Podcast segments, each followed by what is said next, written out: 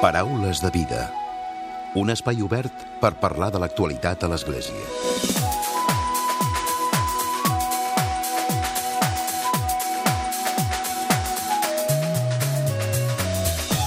Salutacions i molt bon dia, molt bon diumenge. Aquesta setmana volem conèixer una nova associació que s'ha posat en marxa i que té per nom Associació d'Amics de la Casa del Miracle. Segons els seus impulsors, la nova entitat té per objectiu promoure la casa, donar-la a conèixer i oferir-li el suport necessari perquè desenvolupi totes les seves activitats. El Santuari del Miracle compta des de l'any 1901 amb una petita comunitat de monjos de Montserrat, els quals s'ocupen també de la gestió de la Casa d'Espiritualitat ciutat, que es va obrir, recordem-ho, l'any 1981. Durant els darrers 10 anys, la casa ha ofert activitats de caire molt divers, sempre amb la voluntat d'ajudar els estandats a, la, a viure l'Evangeli i a gaudir també de la natura que envolta tot el santuari. Avui en parlem al Paraules de Vida i ho fem en conversa amb Mercè Soler, que és la responsable de comunicació d'aquesta nova associació.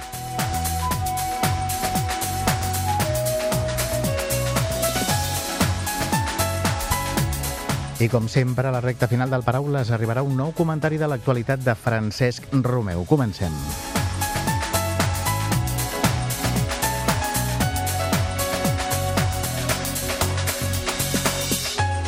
I saludem, donem la benvinguda a la Mercè Soler. Bon dia i benvinguda al Paraules de Vida. Bon dia, Emili creix, eh, es crea aquesta associació d'Amics de la Casa del Miracle, tot i que la Casa del Miracle ja té una trajectòria llarga, no? Sí, de fet, em sembla que va ser l'any 35 que es va obrir un alberg, es deia alberg de Sant Salvador, al costat del Santuari del Miracle. Després aquest alberg es va convertir en un hotel i a principis dels anys 80 es va convertir en una casa d'espiritualitat que durant molts anys va estar oferint eh, tant d'exercicis o activitats, les activitats pròpies d'una casa d'espiritualitat. Uh -huh. Però ara fa 10 anys eh, doncs, hi va haver un petit canvi. No? Alguns monjos es van proposar, junt amb alguns seglars també, d'oferir una altra mena d'activitats al llarg de tot l'any, activitats que tenien com tres eixos fonamentals. Un eix important, en el cas del miracle, és l'eix de la natura, perquè la natura, el miracle, eh, és una cosa que realment es fa veure, no? es fa notar. El tema de la natura, el tema del silenci i també eh, el tema de l'art, que són com tres eixos que poc o molt han anat sortint en totes les activitats que s'han anat formulant al Miracle.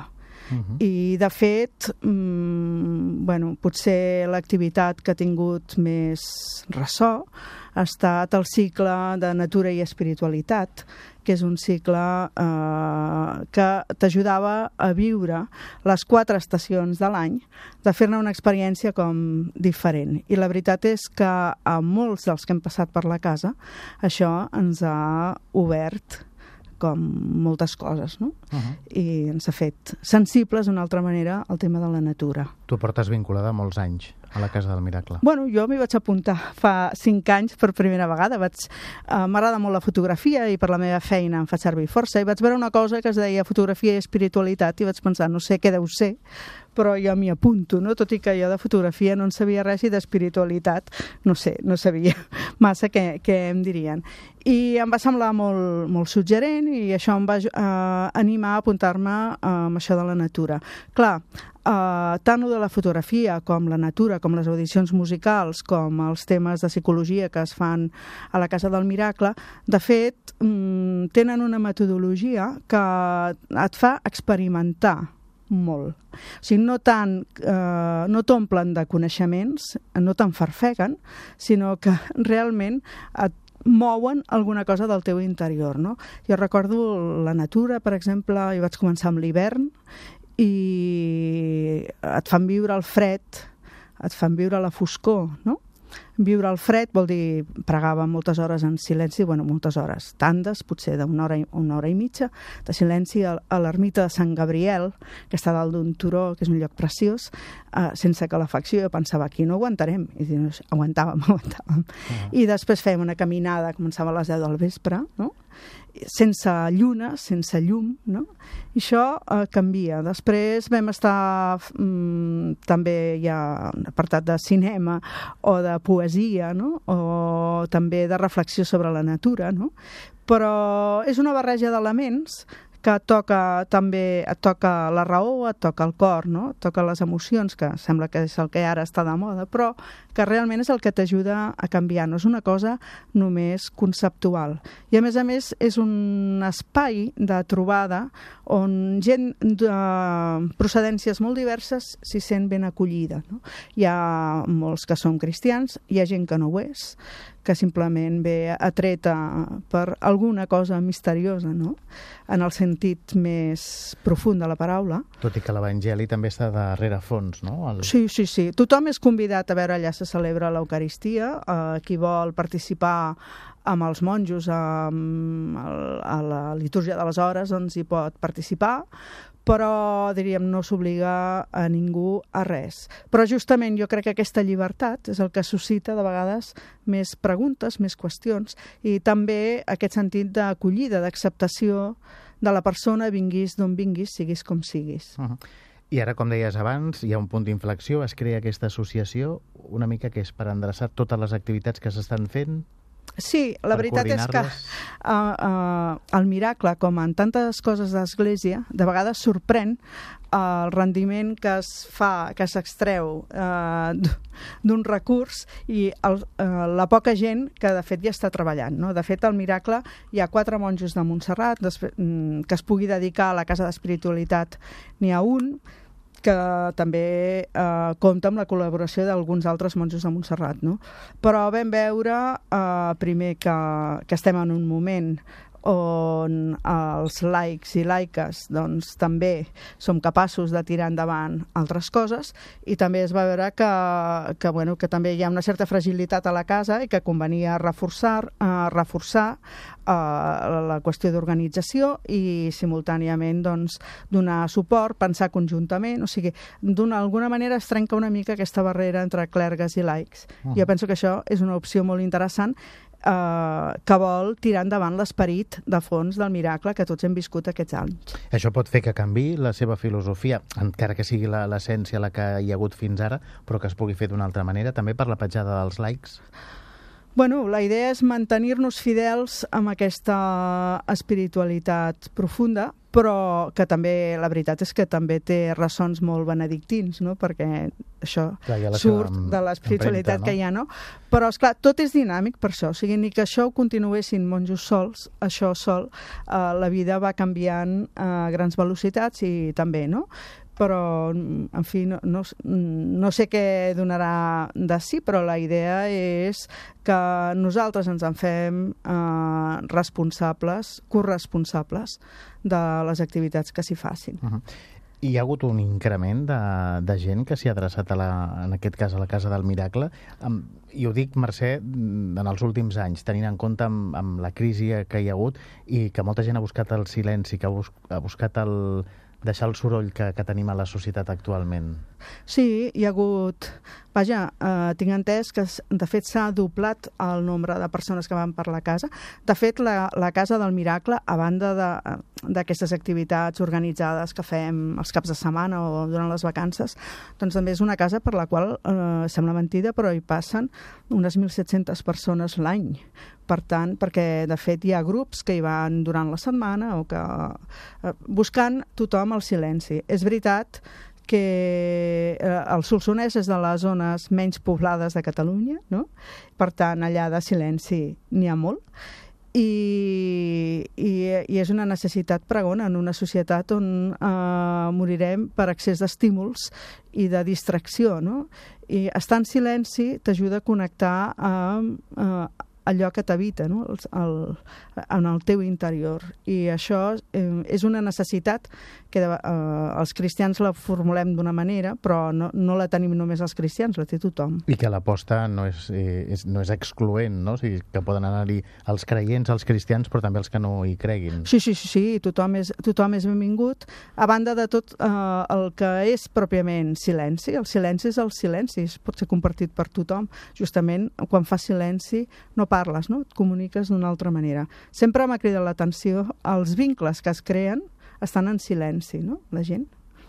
Sí, sí. Uh -huh. Mercè, ara parlem de, de, la, de la creació d'aquesta associació. No sé si, si marcarà un abans i un després.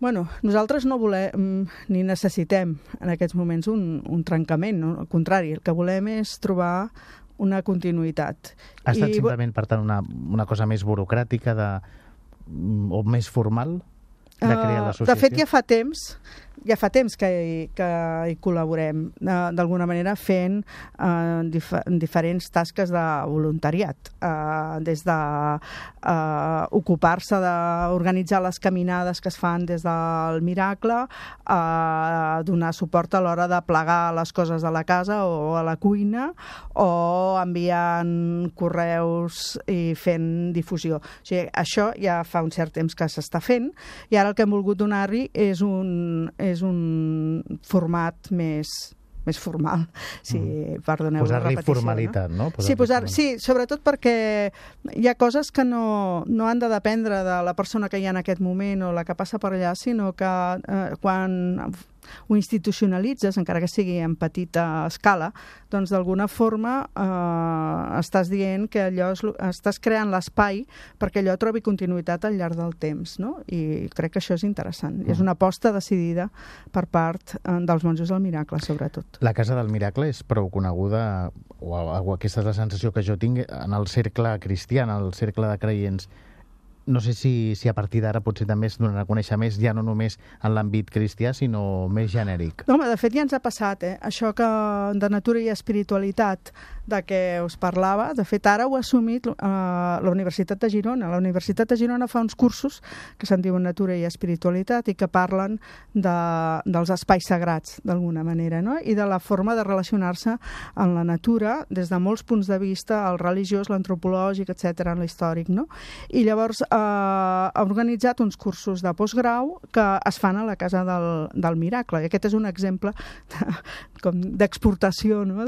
d'un model que ha resultat eh, extraordinari per a la gent del Miracle, però que també es pot fer amb altres formats. No?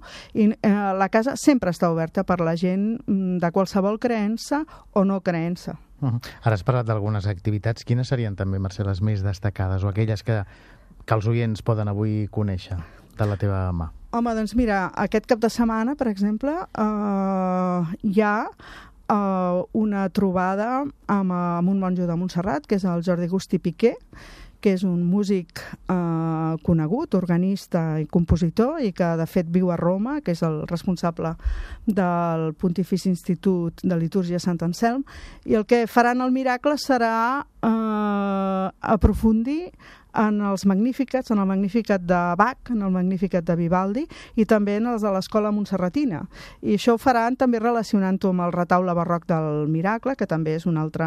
El barroc, el, sol, el solsonès, té un pes específic molt important i bueno, és un plaer sempre eh, seguir uh, les audicions musicals del Miracle, perquè realment et fan apropar amb una obra des de molts punts de vista. Els que ens agrada la música, de vegades ens limitem a veure si els, les versions són segons els instruments originals o no, no sé què, però és clar, de fer la música religiosa té un punt uh, de contacte amb la fe que també cal uh, conèixer, no?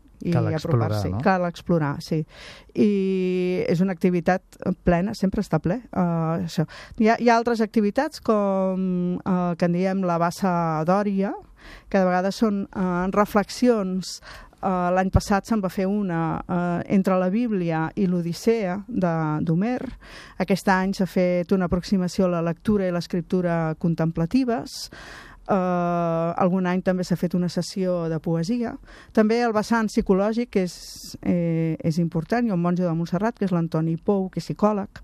Llavors ell fa, eh, ell i amb alguns altres laics que també coneixen el tema, doncs una, una aproximació als somnis eh, també tocant eh, aspectes de la Bíblia, però també aspectes psicològics, no? I són exploracions d'aspectes molt diversos, però dius, molt com, interessants. Com dius, són activitats molt, molt variades, no? Sí, també hi ha cuina. La cuina al miracle té una importància eh, uh, cap dalt, perquè eh, la persona que ho porta és una persona, la Mercè, és una persona d'una gran eh, destresa culinària i d'una gran sensibilitat. Llavors, eh, eh, la cuina en si mateixa, eh, o sigui, és un, un servei eh, que de vegades lliga molt bé amb l'activitat que estàs fent. Eh? Quan fem natura i espiritualitat, eh, la Mercè ens fa cuina vegetariana, però d'una qualitat extraordinària. I, és una i, cuina també lligada al, a l'espiritualitat? Al... Eh, lligada als productes naturals, naturals. I, i hi ha una, la manera de presentar-los, no? està molt bé. I, de fet, mm, també fa, eh, a mitjans de juny està previst eh, fer una activitat que en diem des dels fogons, des de la, cu la cuina amb amor, no? i és el que hi posa la Mercè. I també és una activitat que no és per aprendre receptes de cuina, mm. sinó també per aprendre algunes coses, però reflexionar també sobre quin és el paper de la cuina, dels aliments, a la nostra salut eh, és... física, mental i espiritual. És a dir, que totes les activitats tenen aquest rerefons, no? aquest valor afegit de, de l'espiritualitat, no? Sí, sí. Sí, sí, eh, entès així en sentit ampli d'un esperit que de vegades apareix per allà on menys esperes que aparegui, no? Mm. Però és I un lloc privilegiat per això. Totes aquestes activitats que ara deies eh, es coordinen amb l'equip de persones que esteu també sí. en, en allà i amb el suport també dels monjos. Sí, sí, sí, sí. Fem, bueno, ens hem dividit diversos grups de treball i hi ha uh, qui vella especialment doncs, per veure quines activitats és més interessant fer i tal, bueno, en parlem entre tots, busquem les persones que poden fer-ho millor al nostre entendre i corrent el risc d'equivocar-nos de vegades, tirem endavant. Uh -huh. I a nivell econòmic, Mercè? Bueno, la casa eh, mm, treballa molt per ser per sostenir-se, per autosostenir-se, eh? Autofinançament. Per autofinançar-se. I, de fet, mm, eh, eh, mm, nosaltres este, estem allà per donar un cop de mà si convé a l'hora de buscar fons, però de moment tampoc és necessari. Ara hem de tenir en compte que una casa d'espiritualitat com la del Miracle, quan ha de reclamar una finestra n'ha de reclamar 100 perquè té 100 finestres aquella casa, no? És, eh, qualsevol, el, el manteniment, no? De, té un manteniment i engegar la calefacció al Miracle eh, costa una fortuna, perquè el paratge és molt fred, no? Per tant, però, en general, les activitats s'autofinancien i intentarem que sigui així. No hem nascut tant per buscar recursos econòmics, sinó més aviat per promoure eh, l'espiritualitat i l'activitat. Mm -hmm. Mercè, doncs, gràcies avui per, per haver-nos acompanyat, per haver parlat d'aquesta Casa del Miracle, ara amb aquesta associació d'amics de la Casa del Miracle, i com deia, és una associació, és una, és una casa que és prou coneguda en l'àmbit cristià, i ara, com ens deia la Mercè, i amb el que ens explicava les activitats i també doncs, tota la gent que, que hi participa, és un projecte consolidat. Sí, sí, vaja, jo crec que sí i espero que amb molts anys de vida per davant. Mercè, gràcies i fins aviat. Moltes gràcies i bon diumenge. Paraules de vida. Un espai obert per parlar de l'actualitat a l'Església. I tot seguit arriba el comentari de l'actualitat de Francesc Romeu. Francesc, molt bon dia. Molt bon dia a tothom. Aquests dies, arrel de les discussions sobre els llaços grocs o les creus grogues que alguns posen en algunes platges o en espais públics per recordar els presos polítics i els polítics exiliats, i que n'hi ha d'altres que van corrents a treure'ls perquè diuen que són una expressió política i partidista. I arrel de la discussió que la setmana passada es va produir per aquest mateix fet al Parlament de Catalunya, entre els diputats, alguns han manifestat i reclamat la neutralitat de l'espai públic tanta neutralitat que gairebé demanen un espai mut i escèptic. Jo personalment sóc més aviat partidari que l'espai públic sigui com una pissarra, on tothom hi pugui posar allò que pensa i pugui expressar les seves opinions particulars. Més aviat sóc partidari d'un espai públic on s'hi pugui posar de tot, amb els riscos que això comporta i estic molt en contra d'aquells que hi van atreure les expressions dels altres perquè no les toleren. En aquest sentit, no és el mateix posar-hi que treure-hi. No estan en el mateix nivell. No és el mateix afirmar creativament que negar i no deixar expressar-se. Només així l'espai públic esdevindrà també un espai de realitat i, per tant, un espai que mostri la pluralitat en la que vivim. I penso això perquè després no ens podrem queixar si no ens deixen expressar públicament les nostres conviccions religioses emparant-se justament en aquesta asèpsia dels espais públics. I si no filem prim, no ho podrem fer ni públicament ni gairebé tampoc privadament. Si no vigilem, això arribarà també a les expressions religioses. Justament això és el que ha fet la plataforma d'entitats cristianes amb els immigrants, que plega més d'una vintena d'organitzacions. Aquesta plataforma ha reflexionat en les seves darreres reunions sobre les expressions de rebuig existents davant l'obertura de dos oratoris musulmans, un al barri de la Prosperitat de Barcelona i un altre al barri d'Artigues de Badalona, els quals disposen de tots els permisos legals corresponents. Tal i com diuen en un breu manifest, aquesta plataforma vol mostrar la seva preocupació davant d'aquestes actituds, Volem recordar un cop més que la llibertat de consciència i religió és un dret humà fonamental reconegut en els tractats internacionals i al nostre ordenament jurídic. Aquest dret humà, profundament vinculat a la dignitat de la persona, inclou el dret de manifestar la pròpia religió i creences individualment i col·lectivament, tant en públic com en privat, en l'ensenyament, la pràctica, el culte i l'observança, segons l'article número 18 de la Declaració Universal dels Drets Humans. Obstaculitzar l'exercici del dret a la llibertat religiosa, a més de vulnerar la llei i atemptar contra la dignitat de les persones, és una seriosa amenaça a la convivència dels nostres barris i dificulta greument la integració social de les persones d'origen immigrat. Les formacions polítiques que, en lloc de fomentar la convivència, promouen o exploten aquestes actituds de rebuig, actuen amb, un greu, amb una greu irresponsabilitat i en contra del bé comú. Com a entitats cristianes ens dol constatar les dificultats que pateixen sovint les comunitats musulmanes, que considerem els nostres germans, creients en un mateix Déu i amb qui compartim valors ètics fonamentals. D'altra banda, constatem que les tradicions i les entitats religioses fan una aportació molt important a la nostra societat, acollint, integrant, oferint sentit i acompanyament la vida de les persones, especialment en moments difícils, desenvolupant activitats educatives i culturals, promovent valors ètics i donant suport als col·lectius més vulnerables. Per això, obstaculitzar l'obertura o l'activitat dels centres de culte impedeix aquesta tasca i comporta conseqüències socials molt negatives. Estem convençuts que aquestes actituds incíviques i de menyspreu no reflecteixen els sentiments de la majoria de la ciutadania del nostre país, que dia a dia contribueix a l'acollida i la integració social amb actituds de respecte, solidaritat i hospitalitat. Per això veiem el futur amb l'esperança que junts podrem construir una societat plural de la que tothom pugui sentir-se membre i vegi respectats els seus drets i la seva identitat. Molt bon diumenge a tothom!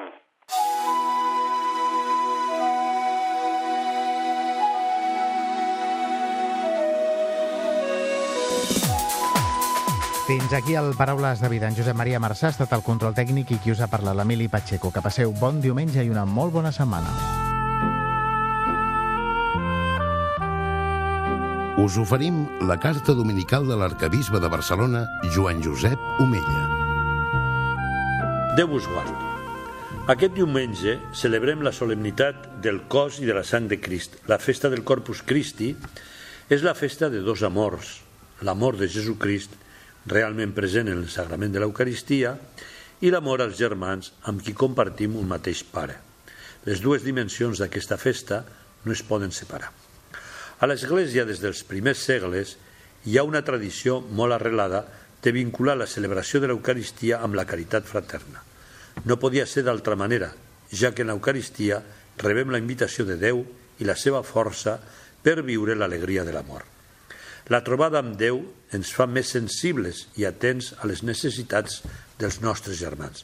Per això, avui també celebrem el dia dedicat a la caritat i, sobretot, a Càritas, la institució de l'Església Catòlica que, seguint el testimoni de Jesucrist, té la missió de fer efectiu aquest amor que rebem de l'Eucaristia en el servei a les persones més necessitades. El compromís a favor dels més febles i per la transformació del món és un dels cinc eixos del nou pla pastoral. Això queda recollit en el lema escollit en guany per Càritas per a la campanya de Corpus. Diu, el teu compromís millora el món. Canviar el món comença per canviar-nos cada un de nosaltres. Si volem transformar el món, cal que comencem canviant tu i jo. Aprofito aquesta carta per donar les gràcies a les persones que treballen a Càritas i als nombrosos voluntaris que responen amb amor i comprensió a les demandes de les persones més necessitades. Ara bé, cal tenir present que aquesta iniciativa humanitzadora i espiritual de Càritas no seria possible sense el suport i la col·laboració dels socis i donants. Gràcies a tots vosaltres, gràcies per la confiança que depositeu en Càritas. No fa gaire vaig poder participar a una trobada amb destacades personalitats de la ciutat de Barcelona amb qui vaig compartir una preocupació, el problema de la desigualtat social provocada per la crisi econòmica dels darrers anys. Càritas ens ho ha recordat, els pobres són més pobres, els rics són més rics i la classe mitjana també s'ha empobrit. Davant d'aquesta situació cal reaccionar i treballar per una millor redistribució de la renda, per uns sous dignes i per unes condicions laborals que facin possible una vida familiar joiosa. Cal, doncs, que els dirigents polítics, els empresaris, la societat civil i també l'Església emprenguem consciència i treballem per reduir-la. Aquest ha de ser el nostre repte per als propers anys. En la solemnitat del Corpus Christi, el Senyor surt a molts carrers i barris dels nostres pobles i ciutats. I per això el guarnim amb ornaments florals i celebrem processons per adorar públicament el sagrament de l'Eucaristia. Déu va sortir i continua sortint a trobar-nos en Jesucrist. Aquest és precisament el lema del nou pla pastoral, sortim. Avui demanem al Senyor que, seguint el seu exemple, descobrim la importància i el goig de sortir a trobar-nos amb els germans. Aprofito per animar-vos a participar en les diverses processons del Corpus que s'organitzen als vostres pobles, barris o parròquies.